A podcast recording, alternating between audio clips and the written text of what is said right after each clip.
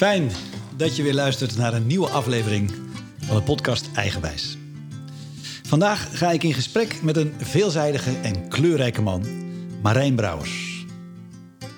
Marijn is een chameleon met veel verschillende rollen in het leven. Hij is zanger, acteur, docent aan het Codarts Muziektheater in Rotterdam, illustrator en hij is haptotherapeut. Afgestudeerd aan de Amsterdamse Kleinkunstacademie en aan de opleiding Master of Music van het Conservatorium Tilburg. In het najaar is hij te zien en te horen in de grootste musical Titanic. Al deze talentvolle kanten van Marijn zijn niet de aanleiding geweest van dit gesprek. We hebben er namelijk elkaar één keer eerder ontmoet. En dat was afgelopen zomer tijdens een uitvoering van Aniek Verhoeven, een leerling van Marijn in een klein theatertje in Amsterdam. We raakten in gesprek over het leven.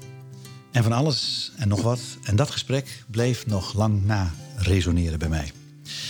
Deze podcast gaat over eigenwijs, het volgen van je eigen wijze. En in dit geval heb ik mijn eigen wijsheid gevolgd door Marijn te benaderen voor deze podcast. Hij herinnerde ons gesprek nog heel goed en was spontaan bereid mee te werken aan dit interview. Ik heb het gevoel dat we veel aan elkaar te vertellen hebben. In ieder geval heb ik hem van alles te vragen. En zie ik uit naar een gesprek van hart tot hart met mijn gast van vandaag, Marijn Brouwers. Welkom Marijn. Hallo, goedemiddag. Waar zijn we, man? Waar zijn we? We zijn zowaar bij mij thuis beland. In Amsterdam, in de Jordaan. En we zitten aan de achterkant van het huis. En we kijken uit op onze binnentuin. Want je zou denken, hartje Jordaan is uh, knetterdruk. En dat is ook zo aan de voorkant, maar hier is het een, een, een oase van rust. Dus uh, de oude kastanje van een paar honderd jaar oud, de vogeltjes, de wind, hoor je misschien straks nog wel door de bladeren waaien. Dus uh, we zijn bij mij thuis. Het is echt een idyllische plek. Mooi, hè? Ik waan me niet in Amsterdam. Nee, nee, nee. Het is nee. bijna een klein mini-microdorpje in Amsterdam. Ja, wij zeiden net tegen elkaar toen, toen ik uh, door jou werd rondgeleid. En naar die enorme, imposante boom kijk, mm -hmm. die minstens 200 jaar oud moet zijn. Mm -hmm. Als die toch eens zou worden kunnen worden geïnterviewd in een podcast. Wat Zo. zal die een Dan kun jij nog even door, Zo, denk ik. Kan ik nog even door. ja. wat, een, uh, wat een leuke introductie had je. Hartstikke leuk om te horen. Nou, dankjewel. Terugkerend op onze eerste ontmoeting, uh, Marijn. Ja. Uh, wat mij raakte toen was de, de, ja, ik noem het de inhoud, de waarachtigheid van het delen van je levensverhaal. En, en de oprechte interesse die je hebt, in, in dit geval in mij. Je was daar overigens in je rol als docent van het Codarts Muziektheater. En wij raakten in gesprek over van alles. Onder andere drama wat jou is overkomen in het leven. Zoals ik er ook uh, een heb gekend. Mm -hmm. Komen we ongetwijfeld straks nog over te spreken. Maar ik nam intuïtief contact met je op voor deze podcast. En daar begint mijn vraag. Hoe werkt intuïtie door in jouw leven en werk? Wauw, dat is een mooie openingsvraag. Um, nou ja, eigenlijk is uh, intuïtie is alles dat wat ik niet met mijn hoofd doe. Dus heel vaak kan ik malen over dingen of denken of wikken en wegen. Maar dan heb ik toch gewoon, en dat is niet zozeer een gevoel, maar een gewaarwording in mijzelf. Um, dat heeft toch met energie te maken ook. Dan denk ik, uh, word ik hier blij van op dit moment? Voel ik me op mijn gemak? Voel ik vertrouwen? Word ik geïnspireerd? Heb ik zin om iets te gaan doen? En dat zijn voor mij wel de graadmeters om iets te gaan doen. En die zijn heel vaak heel duidelijk. En soms bestaan die ook weer uit een aantal segmenten. Dat ik overwegend enthousiast ben over iets. Maar dat ik ook wel met mijn hoofd denk van... oh ja, maar oeh, zal ik dat wel zo of zo? Zou ik dat wel op? Zou ik het moeten doen? Maar uiteindelijk um, ja, geloof ik in een balans tussen hoofd en hart. Dus uh, ja. ben ik zeker... Ik denk dat bij mijn gevoel en intuïtie wel leidend is... maar ik kan niet alles op mijn intuïtie doen. En soms doe ik ook dingen met mijn hoofd. Ja. En mijn gedachten. Ik roep altijd tegen mijn dochters: ge, volg je hart, gebruik je hoofd. Kijk. Maar ja. wel in die volgorde, zeg ik altijd. Ja. Dat is een mooie, ja. Nou ja, dat is ook heel erg waar de, de, de hapto-studie natuurlijk over gaat. Ik heb vorig jaar augustus die studie afgerond tot haptotherapeut. En dat gaat letterlijk over het balans brengen tussen hoofd en hart en lijf. En dat zijn toch wel de drie componenten waar we het mee hebben te doen in ons leven. Dus en dat kan een hele ja, het ligt, ligt eraan hoe je het bekijkt, want het kan een hele leuke en spannende zoektocht zijn in ieder geval. Zeker, zeker. Ik heb me uiteraard uh, verdiept en uh, voorbereid op dit gesprek. En ik, ik gaf je net al aan, ik vond het eigenlijk heerlijk om te doen. Want ja. ik heb al jouw materiaal zitten luisteren en zitten bekijken. Ja. En je hebt echt veel gedaan tot nu toe in je leven. Ja, ik heb inmiddels wel toch wel veel gedaan. Ja. Dat realiseerde ik me ook weer eigenlijk doordat jij contact met me opnam en um, een voorgesprek hadden gehad en je nog even over iets mailde. Ik dacht, oh jeetje, ja, goh Ik heb dat soms ook, ik heb dat lang ook lastig gevonden in de eerste jaren van mijn werkzame carrière. Van poeh, jeetje, op welke, welke kant gaat het nou op? Dan moet ik niet de richting kiezen. Maar nu, de laatste jaren, ben ik het echt als kwaliteit gaan zien. Het is veelzijdig. Dat is precies het goede woord. Ik had erop geschreven, je bent een veelzijdig man. Hm.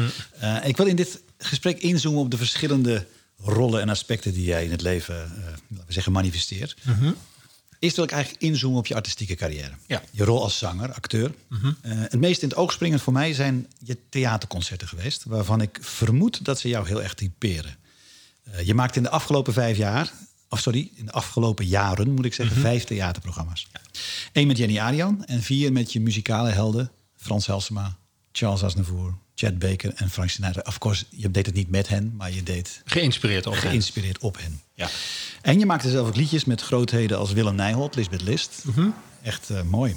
Ja. Ik wil een kleine voor de luisteraar, een kleine impressie over Marijn. Die, uh, dat was jouw theaterconcert uh, Bon Anniversaire. waarin je het werk van Charles Aznavour hebt vertaald. Ja. En ja, dit is een prachtig uh, nummer, La Bohème. Wel bekend, denk ik, voor elke luisteraar. Maar dan vertaald door jou in het Nederlands. We gaan een stukje luisteren. Oké. Okay.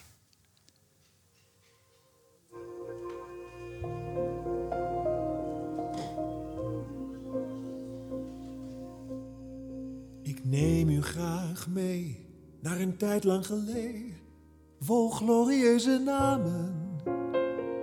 In het Montmartre van toen Waar seringen en groen groeide tot ons raam. We deelden met z'n twee een sober atelier, een vochtig hok met spleten. Toch leefden wij volmaakt. Ik had te weinig eten en jij poseerde naakt. La bohème, la bohème, vertelde mij het leven is zacht. La bohème, la bohème. Al aten wij slechts om de dag. En in een buurtcafé lonkte het idee dat glorie ooit zou komen. Ja, ik, het is bijna het is bijna ruw om het uh, te stoppen. ja. Ik heb het lang niet meer gehoord. Ik zag je, ik zag je een beetje wegdropen. Ja. En, en ik stel me zo voor dat je allerlei beelden kreeg van toen je dat opnam. Ja, nou ook. Ja, absoluut. Dat was geweldig. Want we zijn naar Parijs gegaan om een videoclip te maken. En uh, dat had ik. Ik had via crowdfunding zoveel geld bij elkaar weten te crowdfunden om een album te kunnen maken. En toen had ik nog een beetje geld over. En dit was zo goed gelukt, dit nummer. Toen dacht ik, dan gaan we naar Parijs en gaan we een videoclip maken. Dus daar dacht ik aan. Maar ik dacht eigenlijk ook aan toen jij het net zei van goh, dat het kenmerkend is voor mij. Eigenlijk is dit lied wel voor mij wel waar alles in zit. Ook voor mijn eigen zoektocht als kunstenaar. En ook het is een beetje een hommage aan het kunstenaarschap. En ja, het vertelt gewoon het verhaal van dromen hebben en houden en daarvoor gaan. Maar ook van de hardheid van het kunstenaarschap. En ook van het moment dat je op een dag in je leven terugkijkt en denkt van... Hmm, is het nou allemaal geworden wat ik wou? Heb ik de dromen nagejaagd? Heb ik ze kunnen inlossen? Nou, in mijn geval is dat voor een heel groot deel gelukt of zo. Maar ja, je gaat ook weer door in het leven. Dus het gaat ook over omkijken en dan realiseren wat je hebt gehad. En, uh, nou, dus daar was ik eigenlijk met mijn gedachten... terwijl ik naar de kastanje keek. en dit, dit beluisterde, dacht ik... jeetje man, goh, wat is toch niet zozeer of ik dat nou goed vertaald heb, want het, is, het zit vrij letterlijk dicht op, de, op de tekst die Asnavour ook heeft geschreven. Maar wat is het een goed lied en wat was dat een gave tijd? Dat ik een cameravrouw had en een regisseuse en dat we met z'n drieën gingen en had ik een hotelkamer voor ze geregeld. En we gingen dan, de videoclip is overigens te bekijken op YouTube voor de luisteraars. Maar daar heb ik gewoon heel veel. Ik zou niks liever willen dan alleen maar zo leven eigenlijk. Dat is wel het hoogst haalbare van mij je een prachtige zangstem. En Dank. je bent duidelijk verliefd op luisterliederen, noem ik het, met een boodschap. Mhm. Licht melancholisch, heel herkenbaar uit het dagelijks leven. Wat maakte dat jij juist dit in de wereld wilde zetten? Nou, dat is eigenlijk begonnen met het programma daarvoor eigenlijk. Ik wil, ik, even kort samengevat, studeerde ik in 2001 af van de Kleinkunstacademie. Toen heb ik eerst vier jaar met vier dames een muziektheatergroep gehad, Five Easy Pieces. Daarna ben ik gaan freelancen in het productie, of het, de uitvoerende, de vrije producties, zeg maar. Dat heb ik veel voor Joop van der Ende gedaan. En toen ging ik op een gegeven moment de masteropleiding doen op het conservatorium in Tilburg. Omdat ik beter wilde leren zingen. Want ik dacht, ja, ik kan heel veel, maar wat kan ik nou echt goed? En ik vond dat ik niks, niks echt goed kon. Dus toen ben ik master gaan doen in Tilburg. En dan mocht ik een eindvoorstelling moest ik daarvan maken na twee jaar. En toen, ik was altijd al gefascineerd door kleinkunst, cabaret. En zeker ook van een vorige generatie. Puur ook door wat mijn ouders vroeger thuis draaiden. En toen was ik aan het lezen over Frans Halsema. En daar wilde ik een voorstelling over maken. Want ik dacht, dat is eigenlijk... Ja, volgens mij past dat heel goed bij mij. En toen las ik op een gegeven moment... Frans was eigenlijk een alleskunner. Hij was meer een zoeker dan een vinder. En daar voelde ik mij zo door aangesproken. Alsof ik dacht, ja... Ik heb ook dat gevoel dat ik van heel veel dingen iets kan... maar dat ik vooral op zoek ben naar iets. En eigenlijk is dat het begin geweest van mijn eerste programma. En toen vielen een aantal dingen samen. Dus toen ging ik afstuderen aan de masteropleiding. Ondertussen deed ik mee naar op, aan Op zoek naar Zorro, zo'n televisieprogramma waarin je.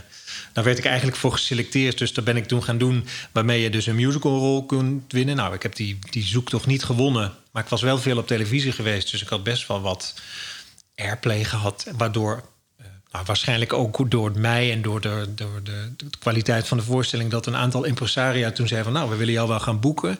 En toen ben ik eigenlijk die Frans Halsema voorstelling... het seizoen daarop gaan spelen. Die heb ik toen 120 keer gespeeld. En die werd ook nog eens heel goed gerecenseerd. En toen opeens was ik, had ik iets te pakken voor mijn gevoel. Dat ik dacht, oh ja, ik heb nu dit programma gemaakt... en ik heb eigenlijk dat repertoire naar mezelf toegetrokken. En ik, de voorstelling ging over een jonge jongen, ik... die een brief schrijft naar Frans Halsema... eigenlijk naar iemand die is overleden met de vraag: kunnen wij misschien toch nog vrienden worden later? Een beetje een niet zo reële vraag. Maar goed, toen was het programma klaar en toen zei eigenlijk het impresariaat: Oké, en wat ga je nu doen? En toen dacht ik: Oh, ja, oké, nu, nu, dat is, nu zit ik een beetje in dit leven wat ik, waar ik eigenlijk stiekem altijd van droomde. Ik hoef, geen audities meer te doen. Ik mag mijn eigen verhaal vertellen. Nou en ik kom van de kleinkunst en daar word je echt heel erg opgevoed met Jacques Brel, Jacques Brel, Jacques Brel. Terwijl ik altijd dacht, ja, maar ik ja, ik vind Jacques Brel een geweldig acteur, maar volgens mij vind ik Asnavour een betere zanger. En toen dacht ik van nou, dat vind ik een mooi idee voor een tweede programma. Laat ik eens een programma maken waarin ik niet al het repertoire, want dat zijn bijna 2000 liedjes die Asnavour heeft geschreven.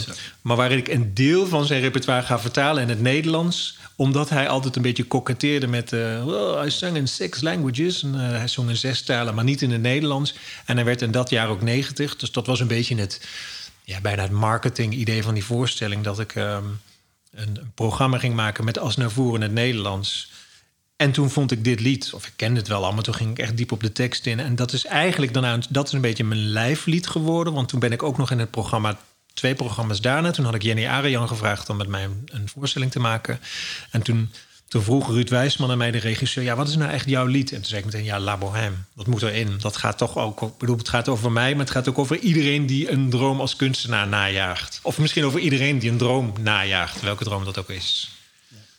En jij vertelde net, hè, die, eh, die, die voorstelling van Frans Halsma... werd heel goed ontvangen. En daar heb ik ook in, het, uh, in de voorbereiding recensies zitten bekijken. Mhm. En dat lijkt me in jouw vak zo kwetsbaar. Dus daar zit de recensie. Uh, Frans Halsema was super top. Ja. Charles Aznavour kreeg je ook weer kritiek. Even, Je kreeg ook complimenten, maar je kreeg ook kritiek. Eigenlijk in algemene zin. Hè? Je, zit, je staat op een, podium, je bent super kwetsbaar. Men vindt er wat van. Er zit een recensent in de zaal. Hm. En die schrijft. En dan denk je, jeetje. Wat, wat doet dat met jou?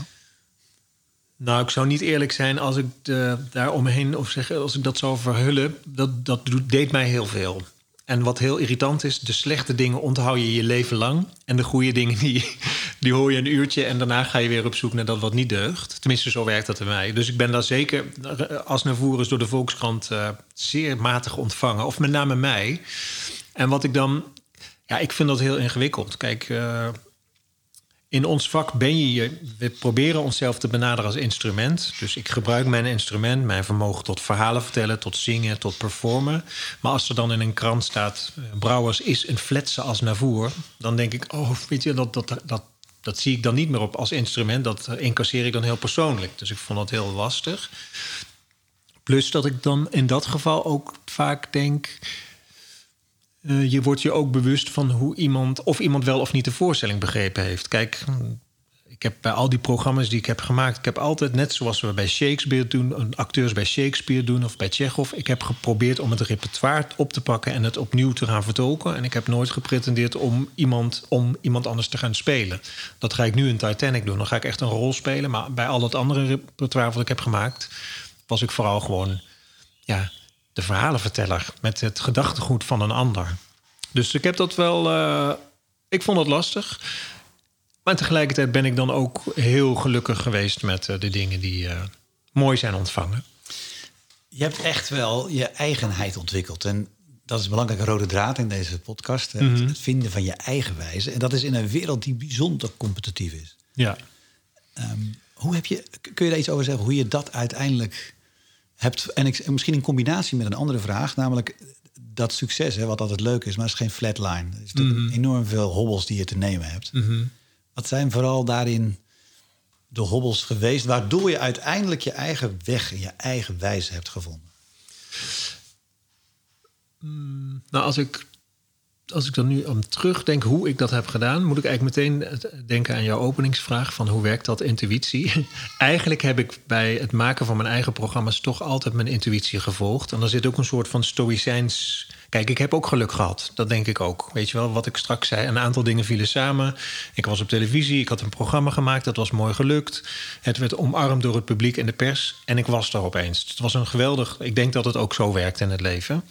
Maar ik ben ook wel... Intuïtie zit ook wel een soort stoïcijnsheid in mij. Dat ik dan denk, oké, dit, dit voelt goed. Hier moet ik op, op door. Dan kom ik, word ik daar bezeten van. En dan kan ik het ook slecht loslaten met alle gevolgen van dien voor ook de mensen om me heen. Want dan ben ik alleen maar was ik met zo'n programma bezig en erover lezen en repertoire verzamelen en verhalen bedenken en naar, naar Zorgvliet gaan, waar Frans Halsema begraven ligt, en namiddag bij het graf zitten en maar hopen op, op een antwoord wat ik er toch mee moest. Dus ik ga daar echt in.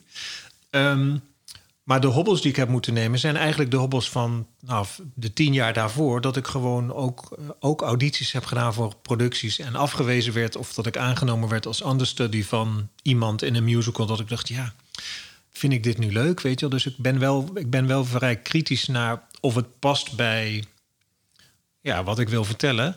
En dat is pas na tien jaar echt gelukt. Toen voelde ik, ik bedoel, als ik, daarom was ik net, schoot ik ook half vol bij La.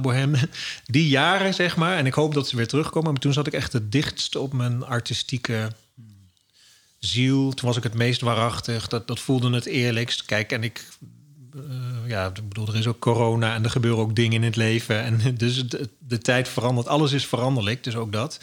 Maar ik zou er. Uh, heel veel voor over hebben. Als, ik denk dat ik, ik heb zeven hele goede artistieke jaren gekend. Nou ja, nu gaan we het weer zien na de zomer. Nu begint er weer allerlei nieuwe avonturen. Maar dat waren geweldige, geweldige tijd was dat. Als ik daar door mag gaan, eh, Marijn.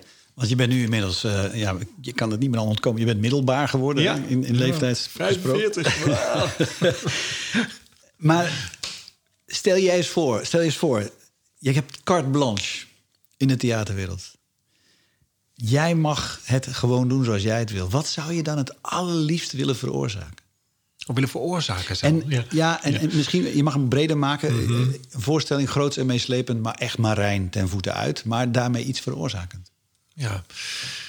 Nou, dan refereer ik toch meteen terug aan hoe ik met Jenny heb gewerkt. Uh, ik heb dan in 2016, 17 dat seizoen met Jenny Arian een programma gemaakt. En dat was in de maakfase echt een genot om het te maken. Omdat dat toen gewoon ook ik had dat geproduceerd, dus ik had dat begroot. En toen hadden we gewoon iedere twee weken ging ik naar haar toe. En hadden we op zondagavond altijd een redactieavond. Dus dan zat ik daar met Ivo de Wijs en Jos Groot en Jenny en Ruud Wijsman. En dan werd er gegeten en had Jenny vissoep gemaakt. En dan gingen wij gewoon praten over het leven. En naar aanleiding daarvan werden er ideeën bedacht voor een voorstelling en songs. Nou, en dat vond ik zo'n geweldige werkwijze. Maar dat is ook wel een werkwijze die ook, ook geld kost. Die is, en, en ook tijd en aandacht. Maar als ik het nu voor het zeggen zou mogen hebben, zou ik eigenlijk met alles wat ik nu weet en wat ik nu aan leven ervaren heb, want er is toch behoorlijk weer veel gebeurd de afgelopen vier jaar, zou ik eigenlijk een programma willen maken en dan zou ik zo te werk willen gaan. Dan zou ik vier, vijf geweldige muzikanten willen, om me heen willen hebben. En ik zou ook een deel zelf willen schrijven, maar ik ben inmiddels ook wel. Ja, ik weet ook dat er mensen zijn die veel beter kunnen schrijven dan ik. Ik bedoel, ik kan mooi vertalen en ik ben leuk met taal. Maar dan zou ik vooral mijn, geda mijn gedachtegoed eigenlijk willen omvormen tot songs. Dan zou ik echt een mooi album willen maken. En dat zou ik willen presenteren in, in het concertgebouw. En dan zou ik in het Lamar willen staan een week. En dan gaan we op tournee. Maar dat ik... Um, ja, dan zou ik dat, zou ik met, misschien eigenlijk een beetje wat jij ook hoopt teweeg te brengen met eigenwijs. dat je dan toch, zeg maar, mensen iets, ja, wat zou je ze nou willen geven? Een soort mm, verbinding van samen zijn, maar ook een soort herkenbaarheid in hun eigen verhaal dat afgespiegeld aan de verhalen die ze via mij horen. Dus ik zou een prachtige voorstelling willen maken. En je wilt natuurlijk mensen raken in Ja. dat wat je doet. Ja, maar ik zou vooral wel raken, vind ik al, zeker hoor, maar dan wel ook raken. Waarom? Dat, ik dan, dat is dan geloof ik omdat ik ze wil, eigenlijk wil ik ze vooral aanraken, het gevoel hebben dat ze niet alleen zijn. Omdat ik, eh, dat is wat ik altijd fijn vind als ik naar een voorstelling ga, dat ik denk, jeetje, dit gaat over mij, dat ik me gesteund voel. Dat is. eh, Dat, dat is oké, mooi. ja. Mooi. Eh, andere vraag. In het leven, althans dat is mijn ervaring, heb je, zeker als je terugkijkt, gidsen. Mensen die je een duwtje geven. Mensen die zeggen, joh, niet doen of juist wel doen. Eh, als jij dat op jouw verhaal of jouw leven toepast, wie, wie zijn of wie waren jouw gidsen? Nou, ik woon, ik, ik wil toch beginnen. Ik woon al 15 jaar samen met Dirk. Dat is een ontzettend trouwe en onvoorwaardelijke gids. En die kan echt precies, soms heel simpel, met hele kleine zinnetjes, maar de juiste dingen zeggen voor mij op het juiste moment. En die hebben dan vooral met intrinsieke motivatie te maken, met doorgaan en hou vol en nou ja, dat soort dingen. Dat absoluut zo. En artistiek gezien, Ruud Wijsman is voor mij een belangrijke gids geweest, omdat ik. eh, via hem op de Academie voor Kleinkunst ben gekomen. En dat ik toen ook voor de eerste keer heb gedacht van... Dacht, dit is de opleiding voor mij, want hier valt theatraliteit... en musicaliteit en persoonlijkheid vallen allemaal samen. En hier gaat het ook om je eigen idioom te vinden als theatermaker. Dus wie wil, wie wil ik zijn? Weet je, heel veel mensen van de kleinkunst... die bestaat helaas nu niet meer... maar die hebben hele diverse carrières van... variërend van Wende Snijders tot Carice van Houten... of Agda de Munnik of Karen Bloemen. Nou, dat zijn allemaal hele diverse soorten talent eigenlijk. Maar ik heb altijd het gevoel gehad dat de, de theatertaal die hij sprak... dat ik die snapte. Ehm, dus dat vond ik een hele... Dat was eigenlijk in mijn studieloopbaan een hele belangrijke. Ja, en eenmaal in het werkzame leven is het toch... re- refereer ik toch weer terug naar dat op zoek naar Zorro-verhaal. Ehm, ik wist al vrij snel dat ik dat niet ging winnen, want ik was, gewoon, ik was toen al 35 en ik was te oud en zo. Nou, dat maakt ook helemaal niet uit. Maar Willem Nijholt zat in de jury. En ik ben eigenlijk naar aanleiding daarvan daarna met hem bevriend geraakt. Maar vooral omdat ook, dan had ik hetzelfde gevoel weer. Ik dacht, wat hij zegt, dat klopt voor mij. Ik wil niet zeggen dat is de waarheid, maar ik vond dat dat deugde. En hij zei een hele simpele aanwijzing. Marijn, jongen, Ga nou toch eens ontspannen staan. Hier, nou, kom eens even bij me. Dan ging ik zo staan. Ga nou, hang nou eens een beetje in één heup. Even je handen losjes, handen in je zak. Nou, als je zo nu dat lied gaat zingen. Nou, dat was een hele simpele, praktische aanwijzing eigenlijk. En niet dat ik nu altijd losjes op mijn heupen sta met mijn handen in mijn zak. Maar een soort manier van... Hij gaf mij een soort sleutel dat ik dacht... oh, ik maak het volgens mij ook best wel ingewikkeld performen of zo. We moeten dan al, en zeker live op televisie was dat best wel. Er zat er veel druk aan. Dus hij heeft me leren ontspannen eigenlijk. Dus dat zijn wel twee belangrijke mensen waar ik nu aan moet denken. Dirk zijn er drie. Nou ja, en ik kom uit een, een heel fijn, stimulerend gezin. Mijn ouders die zijn ook heel eh, aanmoedigend, zeg maar, in het, toch, in het toch blijven volgen van je hart. Altijd weer. En, eh, en ook, ook daarmee rekening houdende dat het niet altijd even makkelijk is. Dus dat, ook, eh, dat je niet iedereen te vriend kunt houden. Dat je het niet ook alle mensen naar de zin kunt maken. Maar dat je wel verantwoordelijkheid kunt nemen voor hoe het voor jou voelt. Van als het, word je er blij van, nou, go for it. Dus daar ben ik heel blij mee, ben ik heel dankbaar voor. En je vertelde net eh, in het voorgesprek dat jouw wiegje in het Brabantse land heeft gestaan. in Beek en Donk. Voor, de, voor de kenners. Ken je dat of niet? Ik ken het niet, nee. Nee, onder de rook van uh, naar Helmond. En Lieshout, Bavaria Bier staat vlakbij. Dus uh, Ja. ja. Brabantse jeugd. Eigenlijk praat ik gewoon zo, zeg maar. Ja, dat is geen enkel probleem. Nee. Ga je terug naar de, naar de roots. Je refereerde er net al even aan met een eh, soort bijzin van er is veel gebeurd afgelopen jaar. Ja. Want eigenlijk, als ik zo op afstand naar kijk, zat je in een enorme flow. Ja, Ging het ongelooflijk goed. Mhm. En op een dag werd alles anders. klopt. Wat gebeurde er? Drie jaar geleden, als ik het goed zeg. Ja, volgende maand alweer drie jaar geleden. De tijd vliegt, ja. Ik werd zo waar getroffen door acuut nierfalen. Wat eh, heel ellendig was. En dat is sowieso al heel ellendig. Maar wat het bij mij nog, nog ellendiger maakte... is dat ik op de intensive care eh, gepakt ben door een ziekenhuisbacterie. En uh, dat er toen heel veel dingen misgingen. Dus dat ik een zware dubbele longontsteking kreeg, waardoor ik eigenlijk heb ik daar door corona heel veel aan moeten denken. Ook geïntubeerd ben en dat ik ook twaalf dagen in slaap ben gehouden. En één nacht, daar weet ik niks van. Maar de één nacht is zo kritiek geweest dat mijn hele familie en Dirk en dat mensen naar het ziekenhuis zijn opgeroepen van nou, we weten niet of die de volgende ochtend gaat halen. En uh, toen ben ik daar, nou, die nacht ben ik doorgekomen. Dat had te maken met de zuurstofwaardes in mijn bloed. Eigenlijk was er een soort domino-effect uh, in mijn lichamelijke organenhuishouding, dat alles er eigenlijk één voor één mee ophield. Dus het stortte als het ware in elkaar. En toen werd ik, na twaalf dagen ging het beter en toen werd ik uit slaap gehaald. En toen uh, was dat allemaal nog heel spannend wat en wel niet weer zou gaan werken. En ik vroeg natuurlijk, als ik al überhaupt kon praten, ik was vooral bezig met waarom, waarom. En toen zei de arts, ja, we kunnen er eigenlijk niet heel veel meer maken dan gewoon pech met de hoofdletter P. Dus het is gewoon uh, onverklaarbaar. Ik ben eigenlijk op een onverklaarbare manier zo heftig in elkaar stort mijn hele ik. Maar ik ben ook op een onverklaarbare manier zo gaaf hersteld. Dus dat is geweldig. Er waren twee dingen die niet meer goed deden. Nou, de plassen ging niet meer en lopen ging niet meer. En de ene arts zei nou, we denken wel dat het plassen moet wel goed komen, maar misschien rolstoelafhankelijk, dat weten we niet. En een andere arts zei eigenlijk het tegenovergestelde. En toen weet ik dat nog na drieënhalve week dat uh, manieren het weer begonnen te doen, vrij laat. Maar dat toen dat, toen was het eigenlijk een dialyse. Ik, werd, was al bezig met een dialyseprogramma. Dus ik zat al een paar keer per dag. Ik zat sowieso, lag ik voortdurend aan de dialyse. Maar toen was ik al naar de gewone afdeling een paar keer gegaan om dat dialyseprogramma te, te onderzoeken voor hoe we dat zouden gaan doen in de toekomst. Tot er opeens plasdruppeltjes verschenen. En dat, uh, je wil niet weten hoe blij ik nog iedere nacht ben als ik even naar de play moet. En ik denk, wauw, plas is echt het gaafste wat er is op de aarde. dus dat is heel fijn.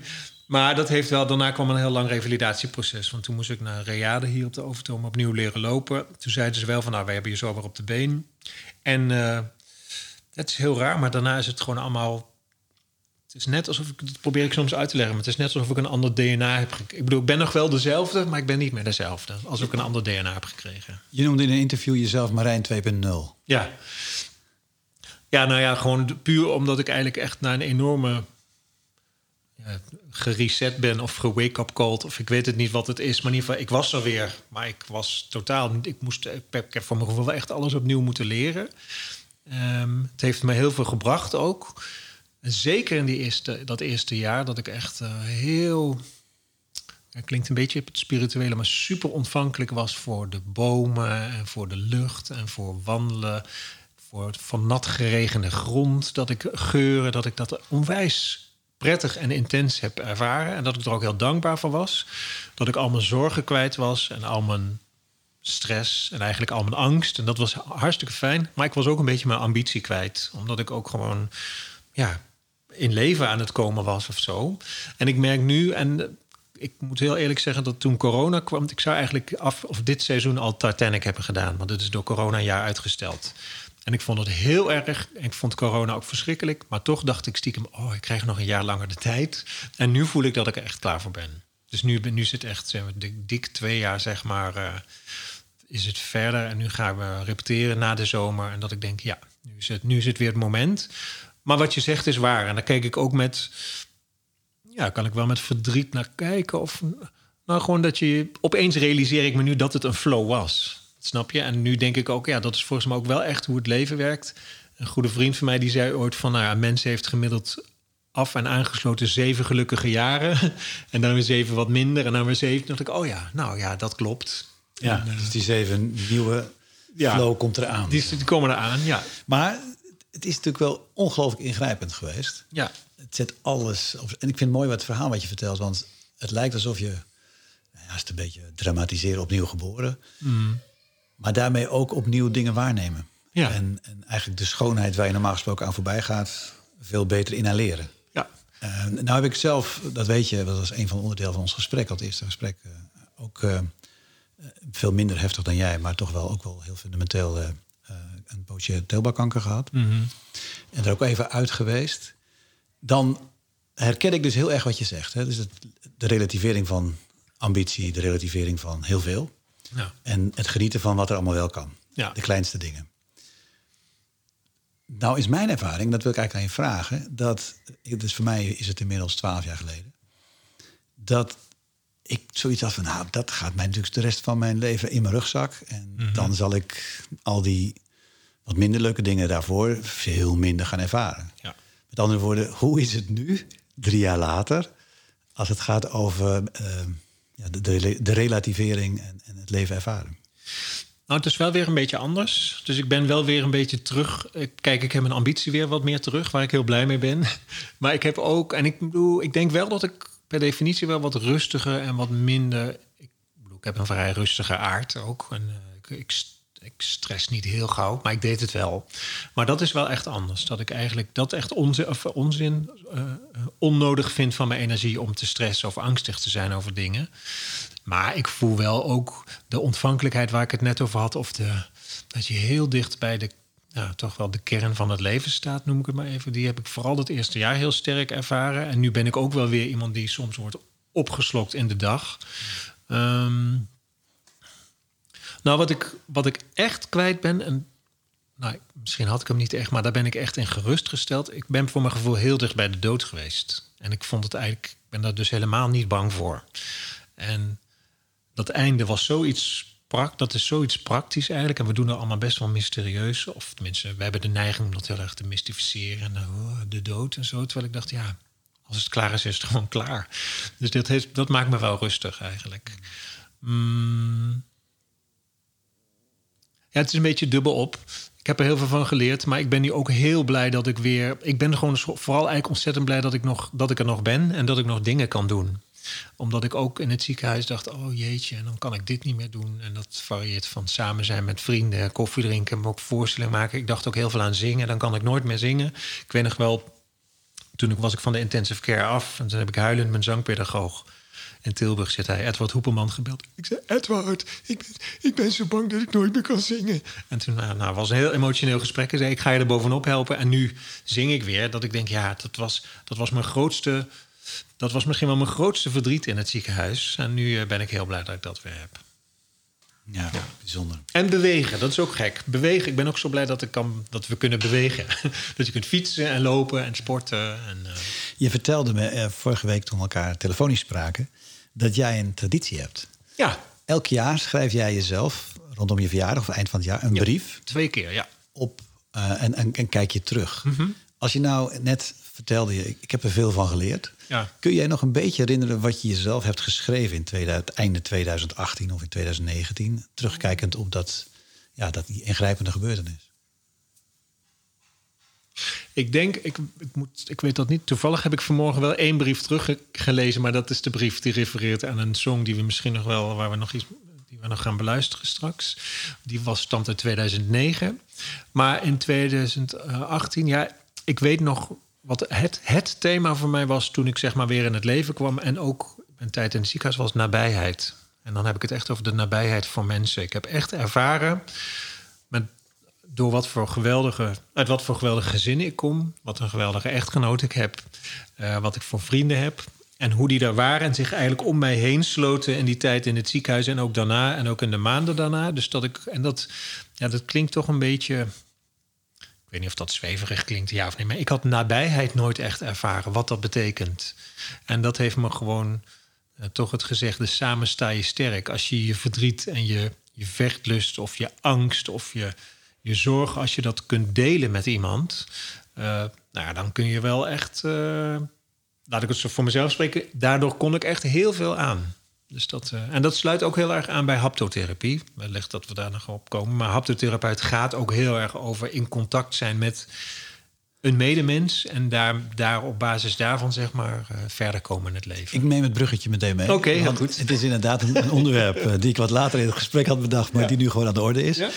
Eh, want dat is natuurlijk eigenlijk, als je naar jou, de, de rollen die je speelt, als je daar naar kijkt, dat lijkt een dissonant, haptotherapie. Ja. Is de brug hier te maken dat je zegt, ik, vanuit die ervaring kreeg ik die belangstelling en daarom ben ik dat gaan doen? Eh, nou, het, kijk, een aantal dingen. Ik heb, zo, ik heb altijd de behoefte om te blijven leren, merk ik. Kan ik niks aan doen. En dat popt zo op. Dus ik ben, eh, dat, daar was die masteropleiding een voorbeeld van. Of ik ben Italiaans gaan studeren een aantal jaren geleden voor de lol. En zo dacht ik op een dag ook. Ik had erover gelezen, haptotherapeut. Wij leiden op de professioneel medemens. En dat vond ik heel leuk. Tot professioneel medemens. Ja, dat vond ik een mooie zin. Ja, zeker. Intrigerend. Ja, dan dat ik dacht, oké, maar wat betekent dat nou? En toen ben ik naar een open avond gaan kijken... bij het Instituut voor Toegepaste Haptonomie in Nijmegen. En toen kreeg ik daar heel veel goede zin van. Maar er was ook iets anders aan de hand. Ik had ook, ondanks dat ik onwijs bevlogen dingen aan het maken was en zelf programma's. Ik vind dat hele artiest zijn, dus niet zozeer het medium theater vind ik geweldig, maar het artiest zijn is best wel een navelstaarderige bedoeling. Je bent heel veel met, je, ja, heel veel met jezelf bezig voortdurend. En ehm, daar werd ik af en toe een beetje moe van, dat ik dacht, hè, ik wil eigenlijk nu, nu wil ik echt iets doen wat echt gaat over de ander en wat niet gaat over mij. En uh, toen ben ik eigenlijk gewoon maar blanco en omdat ik ja, tijd en energie had aan die opleiding begonnen. één dag in de week. Niet wetende wat ik ermee zou gaan doen. En toen uh, weet ik nog wel dat ik het eerste studiejaar, het bestaat uit vier jaren. En het eerste studiejaar heb ik heel veel over mezelf moeten reflecteren. En een socialisatieverslag. En alles moest je een verslagje maken over hoe je in contact treedt met andere mensen. En hoe je handelt en wat je doet. Nou, en ik heb het echt vervloekt, omdat ik dacht, ja, dit is nou net niet waarom ik deze studie ga doen. Maar pas in een later stadium ga je met cliënten werken. En dan gaat het veel meer over de ander. Maar het gaat natuurlijk over hoe je zelf in contact staat met de ander. Ehm, en toen zou ik eigenlijk zijn gestopt, omdat ik toen een hoofdrol zou hebben gespeeld in Evita. toen had ik eigenlijk maar twee jaar van die opleiding gedaan. En toen brak de pleuris uit, zeg maar. Toen belandde ik in het ziekenhuis. En toen lag ik hier in Reade. En toen, uh, toen kwamen twee studiegenootjes naar mij toe. En toen was het al duidelijk dat ik Evita... Ik zou minimaal een jaar uit de running zijn. Dat ik Evita niet zou kunnen gaan doen. En toen zeiden die studiegenootjes van... nou, maar zou je dan misschien niet, ja, misschien ongepast, maar als je dan toch, toch eigenlijk niks te doen hebt behalve revalideren, kun je de studie dan niet oppakken? toen vond ik eigenlijk een heel goed idee. Dus toen ben ik wekelijks de eerste paar maanden met mijn krukken, allemaal heel onhandig, maar naar Nijmegen gegaan. En toen twee jaar later, dus nu vorig jaar, was ik opeens gediplomeerd haptotherapeut. En ik moet zeggen, het sluit ergens ook heel goed aan bij het theatervak. Ik bedoel, als je als acteur of als zanger op het toneel staat, ben je ook voortdurend bezig met hoe je wat je doet met je energie, hoe je je tekst projecteert, hoe je je verhoudt tot je medespelers, hoe je verhoudt tot de zaal, hoe het is met je podiumbewustzijn. Dus het gaat heel erg over jezelf. je hebt het ook zoveel ho hoofd, hart en eh, lijf. lijf gehad. Ja. En dat komt daar samen. Absoluut, ja. Nou ja, kijk, bij een haptotherapeut komen mensen met een hulpvraag uh, naar je toe. En die kunnen gaan over, goh, ik zit te veel over mijn in mijn hoofd en ik zou wat beter willen leren voelen. Of juist het tegenovergestelde, goh, ik voel zoveel en ik kan geen grenzen aangeven. En dan gebruik je eigenlijk hele simpele ervaringsoefeningen om wat meer balans te, eigenlijk om nou ja, dingen te ervaren in je lijf. Dat is wel een beetje het uitgangspunt, maar om zo meer balans te krijgen tussen hoofd en hart. En um, ik doe er nu, ik ben zeker werkzaam als haptotherapeut, maar omdat ik toch ook druk ben geweest op Codarts dit jaar. Op een laag pitje moet ik er eerlijk bij zeggen. Maar het voelt absoluut als een toevoeging op mijn kunstenaars zijn. En ik merk het ook in mijn manier van coachen met studenten dat ik het handig vind en nuttig. En ehm, nou, met het oog op, het, op de toekomst. Geen idee waar dat naartoe gaat, maar denk ik zeker wel dat ik er iets mee blijf doen in ieder geval. Want je praktiseert het ook, je hebt cliënten. Ja, ja, twee. Dus uh, heel rustig. En uh, kijk, um, ik wil niet zeggen. Nee, ja, ik, ik, dacht, oh, ik ben dadelijk haptotherapeut. Dan heb ik een site en dan gaat de rest vanzelf. Maar dat, zo gaat het niet. Tenminste, bij mij gaat het zo niet. Aan de andere kant, uh, Codarts belde eigenlijk of ik daar wilde les komen geven. Titanic bood een rol aan, dus dingen komen ook wel op mijn pad. Dus ik wil niet zeggen, ik doe alleen maar de dingen die op mijn pad komen. Maar ik vind wel, ja, bij mij is theater nog zo. Nee, dat is wel echt liefde nummer één. En ik denk wel, als ik, haptotherapie is meer iets voor dat zich kan evolueren voor iets later dat ik wellicht zangers of acteurs of artiesten ga coachen. Of misschien in een veel later stadium daar iets actiever mee gaan doen. Maar vooralsnog heb ik heel veel bezigheden op het theatrale vlak. En daar ben ik heel gelukkig mee. Ja, en je, je noemde het al op, docent. Uh, ja. Ik kan het inzetten als docent. Je bent ook docent ja. op het CODATS in, in Rotterdam. Even inzoomen op die rol. Ja. En je bent nu ervaringsdeskundige. Ik bedoel, uh, wat zei 45? Ja. Dat betekent uh, dat je heel wat vlieguren hebt gemaakt al in het artistieke vak. Mm -hmm.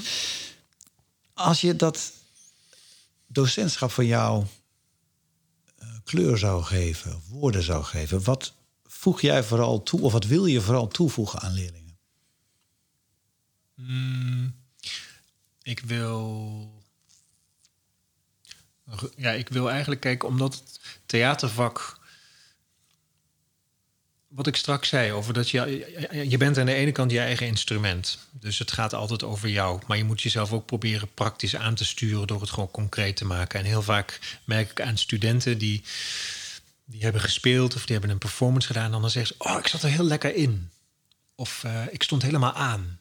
En dat vind ik dan altijd best wel een beetje een vage opmerking. Dan zeg ik, wat betekent dat nou? Ik zat er lekker in. Dus ik probeer eigenlijk altijd toch het zo praktisch en bijna pragmatisch mogelijk te houden. Dus wat wil je met een tekst? Wat kom je ermee doen? Waar zit het in de tekst? Waar zit een schakel? Dat is een beetje waar ik vooral... Ik ben, mijn vak op het Codas Conservatorium is integratie. Dus ik probeer eigenlijk de muzikaliteit en de theatraliteit... en de vocaliteit, zeg maar, te combineren. Dus ik ben geen zangdocent, maar ik ga het altijd over het inhoud van het lied hebben. Dus wat wil de tekstschrijver ermee zeggen? Welk verhaal wil jij daarmee vertellen? En daar coach ik heel erg op.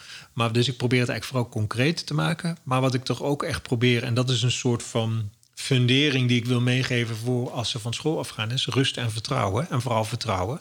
Omdat het gewoon ook een leven is. A, kom je van school en zit er niet zitten niet heel veel mensen, behalve je papa en mama, die juichen het allemaal toe. Maar niet heel veel mensen op je te wachten, want iedereen wil. Er zijn heel veel mensen in Nederland die het vak in willen.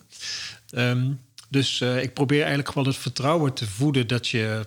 Nou ja, dat het talent gewoon goed is zoals het is. Dat ze in de kern heel talentvol zijn. Nou, en sowieso, nou, anders word je niet aangenomen op een conservatorium. Um, en dat probeer ik uh, eigenlijk door al mijn projecten heen die ik coach, probeer ik ze mee te geven. Dus het is een combinatie daarvan. Vertrouwen en rust, dat is iets wat ik volgens mij van nature meebreng, omdat ik eigenlijk niet zo geloof in dat. En zeker in de musicalwereld kan best wel een hysterische bedoeling zijn. Het is allemaal nou, wat ik straks zei, best wel veel ego's zitten daar. Dus bij jezelf blijven, rust, vertrouwen op je talent. En dan vervolgens concreet aan de slag met welk verhaal kom je vertellen en hoe ga je dat doen. Marijn, ik had zondag een, mooi gesprek met mijn uh, grote vriend Henk Hofman. Daar is overigens ook een podcast over te luisteren. Een storyteller, de mhm. Storyteller Academy opgericht samen met Mieke Bauma. En die zei iets waarvan ik dacht, dat ga ik jou ook vragen. Hij zei, um, het is zo belangrijk dat een acteur het stuk niet in de weg zit. Net als hij mij, zeg maar, hij, zei, hij, refereert naar een interview waarin hij zei: Ik vond je daar goed omdat je in het interview niet in de weg zit, uh, maar het ondersteunt. Mhm. Herken je wat ik zeg vanuit het vak? Dat je, um, dat je te veel jezelf neerzet ten koste van? Ja, nou ja, ik geloof dat ik je herken. Bedoel je tussen. Kijk, ik zeg altijd: als ik met de studenten werk, je moet eigenlijk een acteur, je hebt eigenlijk niet heel veel meer. Er wordt niet heel veel meer van je gevraagd dan alleen maar te laten zien wat een tekst met jou doet. Dus jij bent, je hebt, je hebt je instrument, je stem, je ziel ook, je persoonlijkheid, je fantasie, je verbeelding, je zangtechnieken als het om een gezongen tekst gaat. En dan heb je een tekst. En je moet niet iets maken met die tekst. Nee, je moet eigenlijk die tekst op een hele ontspannen manier naar je toe halen. En dan laten zien wat het met je doet. En daarvan zijn natuurlijk duizend interpretaties mogelijk. Maar als dat dan waarachtig is, dan kom je eigenlijk een heel eind. Dus ik weet niet of dat aansluit bij wat je. Maar dat is in ieder geval hoe ik het interpreteer. Ja, het sluit zeker aan. Maar ik wil de vraag aanscherpen. Als je naar je eigen ervaring kijkt, je eigen carrière, je, de toppunten, waar je denkt, oh, soms klopt alles. Ja. Als je dat omschrijft, wat is dat? Als alles klopt.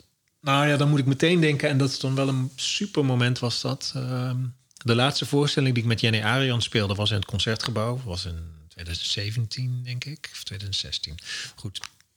En daar zat dus La Bohème in. En ja, en het Concertgebouw, dan zit alleen al als je daar komt. Ik bedoel, magisch, alles, magisch. Magisch, maar ook als performer en hoe het daar klinkt. Weet je wel, al dat geluid, je oren gaan open, al je voelsprieten gaan open. Ik was, we hadden al honderd keer gespeeld, dus ik was wel gespannen omdat we in het concertgebouw stonden. Maar ik was op een lekkere spanning, dus ik was niet gestrest. Maar ik dacht van, oh, ik heb echt zin om dit te gaan doen vanavond. Ja, en wat er dan gebeurt, dan zit de zaal zo bomvol. Jenny, Jenny, en ik waren heel lekker aan het spelen. En tegen het einde van de voorstelling zat mijn La Bohème. En toen dacht ik ook letterlijk, nu mag ik mijn verhaal... dat waar ik eigenlijk ja, bijna waarom ik op deze aardbol rondloop en wat ik aan jullie wil geven, dat mag ik niet vertellen. En dan balanceer ik tijdens het performen op de. Ik was goed bij stem, ik was dat verhaal aan het vertellen, maar ik voelde ook dat ik geëmotioneerd raakte door dat verhaal, omdat het ook gaat over de tragiek van. Ja, toch ook over de tragiek en de romantiek van kunstenaar zijn. Maar ik liet me niet onderuit halen door mijn eigen emoties. Dus ik bleef, ik kon echt aan de knoppen blijven zitten terwijl ik aan het performen was. Ja, en ik vind mezelf helemaal niet een briljant iemand. Alleen toen dacht ik, ik was knettergoed. en dat was heel fijn. En ik, Ja. in die zin ben ik toen beloond, omdat niet veel later, een paar dagen later, kreeg ik een e-mail van Hans Cornelissen, de producent, ja, de producent. En die zei, mag ik jou een, ik heb je gezien en ik vond het prachtig. En eh, ik wil graag eh, je iets met je bespreken. En die bood me toen een hoofdrol aan in Evita. En toen dacht ik, nou ja, dit is, weet je, dus dan word je daar wel in bevestigd. Maar laat ik wel ook eerlijk zijn, ik heb dat vaker niet dan wel. Ik denk dat dat misschien wel de enige keer is dat, ik, dat je echt vleugels hebt als je performt. En dat het dan vallen inhoud en vorm en muzikaliteit en persoonlijkheid ook echt samen. Vaker niet dan wel. Dat vind ik een heerlijke eh, relativering van zoveel moois. Ja. Eh, en, en als je het vaker niet hebt, wat, Ja. wat doet dat met je? Dus met andere Nou- woorden, als het, als het, eh, zit die interne criticus, is die altijd aan? Ja, die is wel altijd aan. En ik ben ook wel. ehm, kijk, ik heb heel veel getoerd. Ik heb een eigen vaste pianist met wie ik heel. En wij reden heel. Als we met z'n tweeën waren, met z'n tweeën naar huis. Oh, nou, altijd met z'n tweeën, want de andere muzici gingen dan met andere, andere, andere auto's. Wij gingen altijd op de terugweg de, de voorstelling naspreken. En vooral ook eigenlijk. Ja, daar werd dan toch vooral besproken wat gewoon net nog niet was. Of te snel of te langzaam. Of daar zat ik er niet goed in. Of ehm, nu zeg ik het zelf, daar zat ik er niet goed in. Over concreet maken gesproken. Maar dus je bent vooral eigenlijk op zoek naar hoe je het beter kunt maken. Ehm, nou ja, en ik moet ook zeggen, ik heb, want je, het, is, het is een heel dankbaar vak. En mensen vergeten dat het is knetterhard werken. Maar vanuit publiek is het natuurlijk... Wij worden heel vaak met applaus. En zeker in de foyer krijg je heel vaak complimentjes. En ik vond het ontzettend fijn om te horen. Maar toch denk ik 9 van de 10 keer... ja, het was toch net niet. Weet je wel? Er is nog een betere versie van vanavond, is er mogelijk. Dus eh, ja, ik vind dat ik zelf ook heel gezond, want dat vind ik ook onderdeel van het werken. Weet je, het is ook niet, eh woehoe, ik doe het en ik ben, het is af. Nee, het is ook, dat is ook het ambacht. Gewoon, je blijft sleutelen en verfijnen. En dat vind ik ook een plicht. Dat vind ik ook als, als performer, vind ik, hoop ik dat mensen dat in die zin vind ik het heel spannend dat ik Titanic ga doen, want dat gaan we 188 keer spelen. Dat is vrij veel, weet je, want dat, toch dat je iedere keer weer op scherps gaat en iedere keer blijft zoeken naar het scherpste en het hoogst haalbare. Ja, dat lijkt mij inderdaad, eh, als je dat zoveel keren doet, Ja. de grote uitdaging. Mij ook. nou ja, heel eerlijk, in het geval van Titanic, mij ook. Weet je, kijk, dat, is, dat weet ik nu. Als er mijn, die programma's die ik gemaakt heb, dat was mijn verhaal. Dus dat, dat weet je, daar kon ik, ging ik onvoorwaardelijk ging ik daarvoor en daarachter staan. En bij Titanic, en dat wordt voor mij wel nieuw, de eerste keer in elf jaar weer dat ik in, ja, als een acteur in dienst ga in een En waarom, waarom je dat, is dat Marijn 2.0? Dat hij zegt, ik stap, want overigens dat deed je daarvoor ook, hè, voor, het, eh, voor, voor de tragedie zeg maar, die je overkwam. Mhm. Wat maakt dat je voor Titanic en niet zegt, ik ga weer een mooie eh, liedjesprogramma's maken? Nou, dat is ook wel, dat is ook een deel. Dat is ook een deel praktisch, denk ik. Nee, ik ik ben wel een musical liefhebber. En ik vind Titanic een prachtige, prachtige muziek. En het was een mooie rol. Dus dat, en ik, ik heb ook genoten van het feit dat ik dat gewoon in mijn handen geworpen kreeg. Ehm, maar kijk, ik, ik heb al die voorstellingen zelf geïnitieerd en geproduceerd. Maar ik heb daarbij heel veel petten opgehaald. Dus ik was en de producer en ik moest eh, de contractonderhandelingen doen met mensen. En ik heb het licht, licht ontwerpen. Dus eh, weet je wel, mijn eigen PR deed ik. Ik had een dame die mij daarbij hielp, maar ik moest zelf posten. Nou, dus, ik heb alles aangestuurd. En ik was, op een gegeven moment was de verhouding een beetje zoek. Ik dacht, ja, ik had dan een tour van wat was het met de Chat Baker Room? Hebben we denk ik 60 keer gespeeld. Nou, als ik dat dan tegenover de uren zet die ik heb besteed en om het te kunnen verwezenlijken, dat was een beetje zoek. Dat ik dacht, ik heb nu, ja, dat klinkt een beetje blasé, maar het voelde bijna even. Ik heb nu zin om op dat vlak even uit te rusten. En ik moet ook zeggen, eh, het heeft ook met de inhoud te maken. Ik had ook even niet, niet zo'n behoefte of dat ik niet weet wat mijn verhaal nu zou zijn. Nu, nu ben ik, toen Titanic kwam, nu ben ik weer anderhalf jaar verder. En nu denk ik, oh ja, dat pruttelt alweer wat in mij dat ik denk, oh ja, ik heb wel zin om op dat thema of daar iets moois mee te doen. Dus, eh, en al die voorgaande programma's die kwamen heel natuurlijk vanzelf. Dus daar heb ik eigenlijk niet voor te denken. Dat ging gewoon, oh, nu wil ik dit doen en nu ga ik dit doen. Marijn, de vraag die ik nu stel, die stel ik eigenlijk altijd. Dat is de vraag, als je, zoals jij, je eigen wijze hebt gevolgd... je eigen vorm hebt gevonden...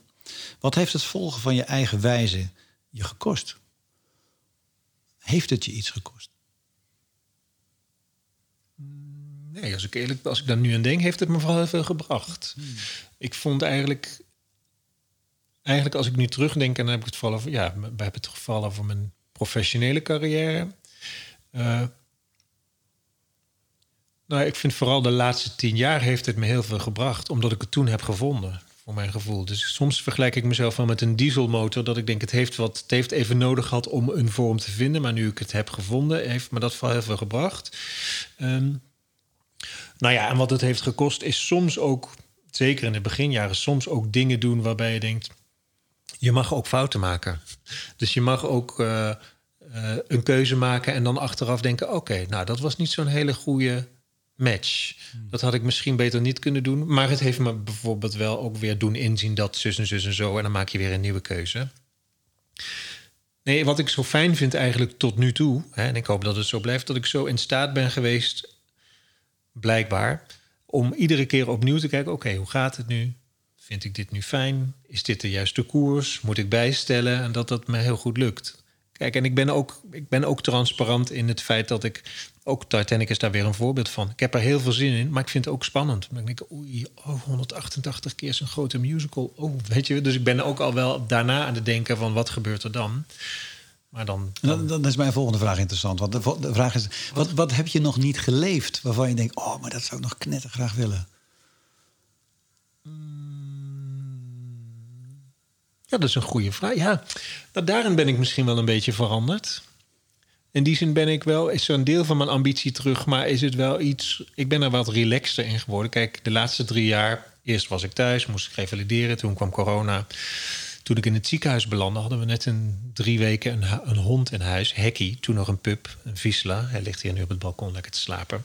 Maar ik ben bijvoorbeeld gedurende de week, als ik nu niet aan het werk ben of op Codarts aan het werk ben, ben ik heel veel buiten met hond.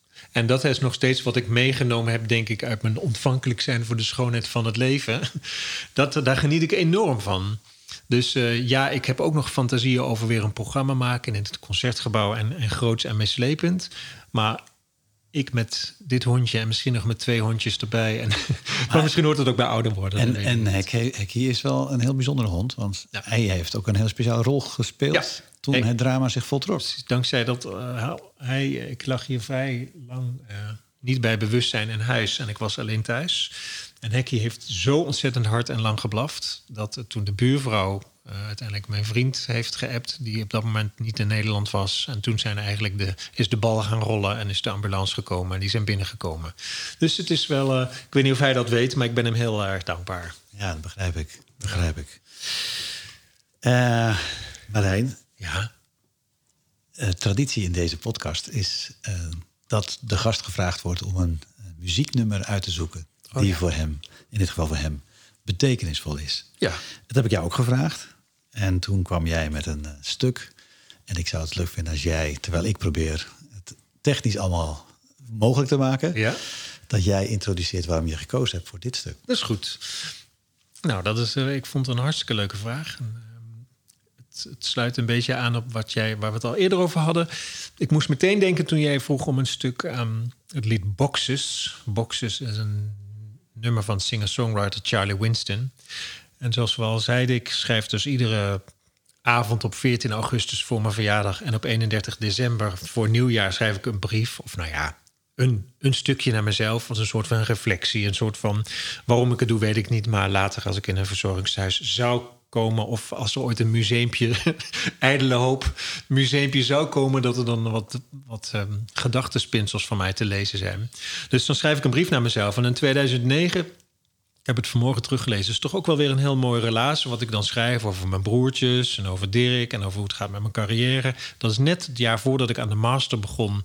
Dan schrijf ik ook: Ik heb meer behoefte aan verdieping en verfijning. Ik wil de master gaan doen in Tilburg. Maar ik heb nu ook het mooiste lied ooit gevonden, schrijf ik dan in die brief. En dat is het lied Boxes van Charlie Winston. Ik vind het muzikaal heel erg mooi.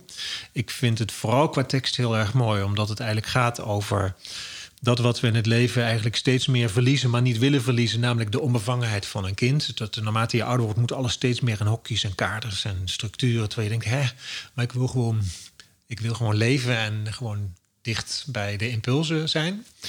En toen heb ik in het programma dat ik met Jenny ging maken, heb ik eh, daar zelf een vertaling van gemaakt. Dat heette Hokjes. En um, nou ja, het is nog steeds mijn lijflied. Ik vind het een prachtig lied. We gaan hem uh, laten horen in, de, in de versie van Charlie Winston. Charlie Winston. Maar ik wil zeker ook even een stukje van je eigen versie horen. Oké. Dus eerst Charlie Winston. existing just for me. Without boxes,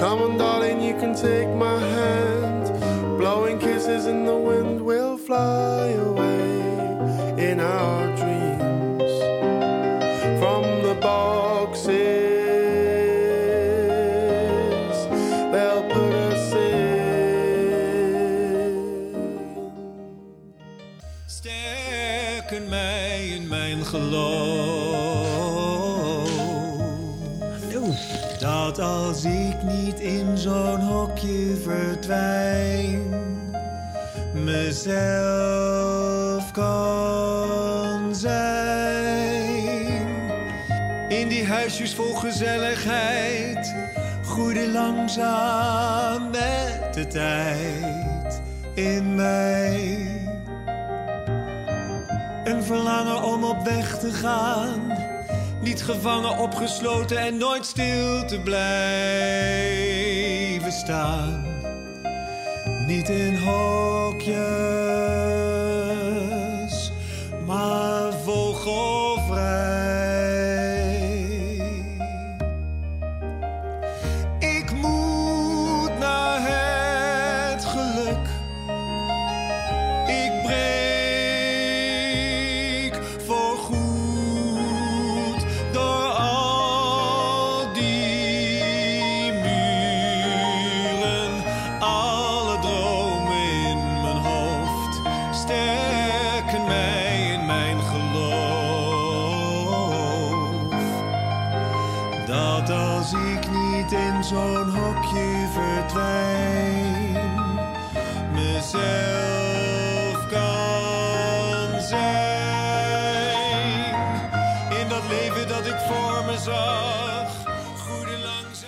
Mooi, Marijn.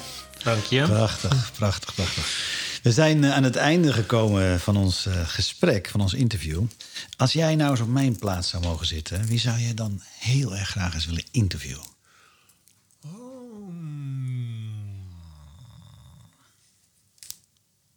Wauw, dat is een goede vraag. Ja, ik zit dan toch vooral meteen aan.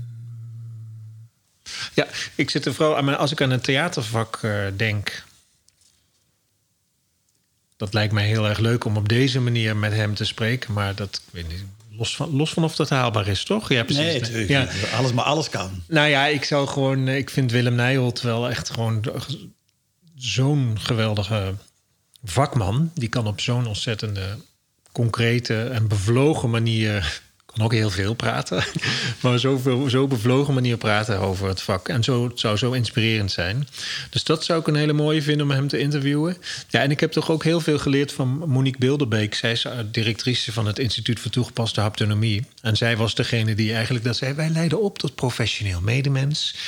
Ja, ik vind dat zij. ehm, de haptotherapeut, de haptotherapie op een hele concrete manier kan uitleggen eigenlijk over wat dat precies is en wat het kan betekenen voor wie dan ook, omdat het een heel breed, breed inzetbaar beroep, therapie, begeleidingsvorm is. Ja, intrigerende missie, professioneel medemens. Ja, toch? Ja. ja, ja, vind ik ook. Ik vond het onwijs leuk. eh, Frank. Dankjewel Marijn. Ik, Ja. ik- we, gaan hem, eh, we gaan hem afronden. Hartstikke bedankt voor je gastvrijheid en eh, tijd. En, en de, Jij ja, ook, voor de uitnodiging. Ja, nou, ik vond het erg leuk om te doen. Wij gaan naar de, de, out, de, de outro, noemen we dat in eh, podcastland. Ja, Dus eh, ik ga hem aanzetten. is goed. Ja, is het einde. Ja, en dat vind ik, eh, Altijd leuk, want dit is natuurlijk free flow. Free je, flow. je begon al. Ja. Ik zat nog te denken, hè, want eh, ik ben dat zo meer omdat ik. Mag ik nog iets? Ja, zeker. Ja, tuurlijk. Nee, ja, van, oh ja, ik vind dan ook fijn dat alles een bedoeling heeft. en ik vind de bedoeling van jouw podcast zo mooi dat ik dacht, oh, willen we nog. Ik, niet dat ik de mensen wat mee wil geven, maar meer. eh, ik dacht, ja, waar gaat dit nou over? Over je eigen wijze vinden. Kijk, bij mij op de kleinkunst zeiden ze altijd: talent is diegene die het hardste wil. En dat vind ik zo'n, ook zo'n waar. als het daar nou over gaat, is dat ik, als ik het heel simpel moet maken, is dat ik mezelf iedere dag de vraag stel: wat wil ik nu? Nou, dat is heel vaak hetzelfde, want dat heeft met het theatervak te maken. En daar dan voor gaan. Ja. ik, eh, nou, dat is, doe er iets leuks mee, mensen. Hey, en als eh, mensen naar aanleiding van dit gesprek iets meer willen weten over jou, Marijn, dan is daar heel veel informatie. Op, eh, ik- dat weet ik nu Google. uit ervaring. Google, YouTube. Maar je hebt ook een prachtige website. Ja. www.marijnbrouwers.nl. Ja. Dus of daar- www.haptosite.nl. Had jullie al bekeken trouwens? Nee, weet nog een keer. www. www.haptosite.nl. En dan kom ik ook bij jou terecht. Kom ik bij mij terecht. Dat is dan echt als je iets wil met mij. Heel goed. Nou, mochten jullie eh, luisteraars nog iets met mij willen... in de zin van dat je denkt, nou, die Frank, die wil ik nog wel wat vragen. Ik zou het doen, mensen. Ik zou het doen. Dan kan je dat doen naar eh, frankpronk.me.com. En eh, ik verwijs je ook graag naar andere gesprekken die inmiddels eh, online staan... en die volgens mij ook de moeite waard zijn om naar te luisteren. En eh, nou, Marijn, nogmaals dank. Graag gedaan. En Jij voor de luisteraars heel graag tot de volgende podcast Doei. Eigenwijs.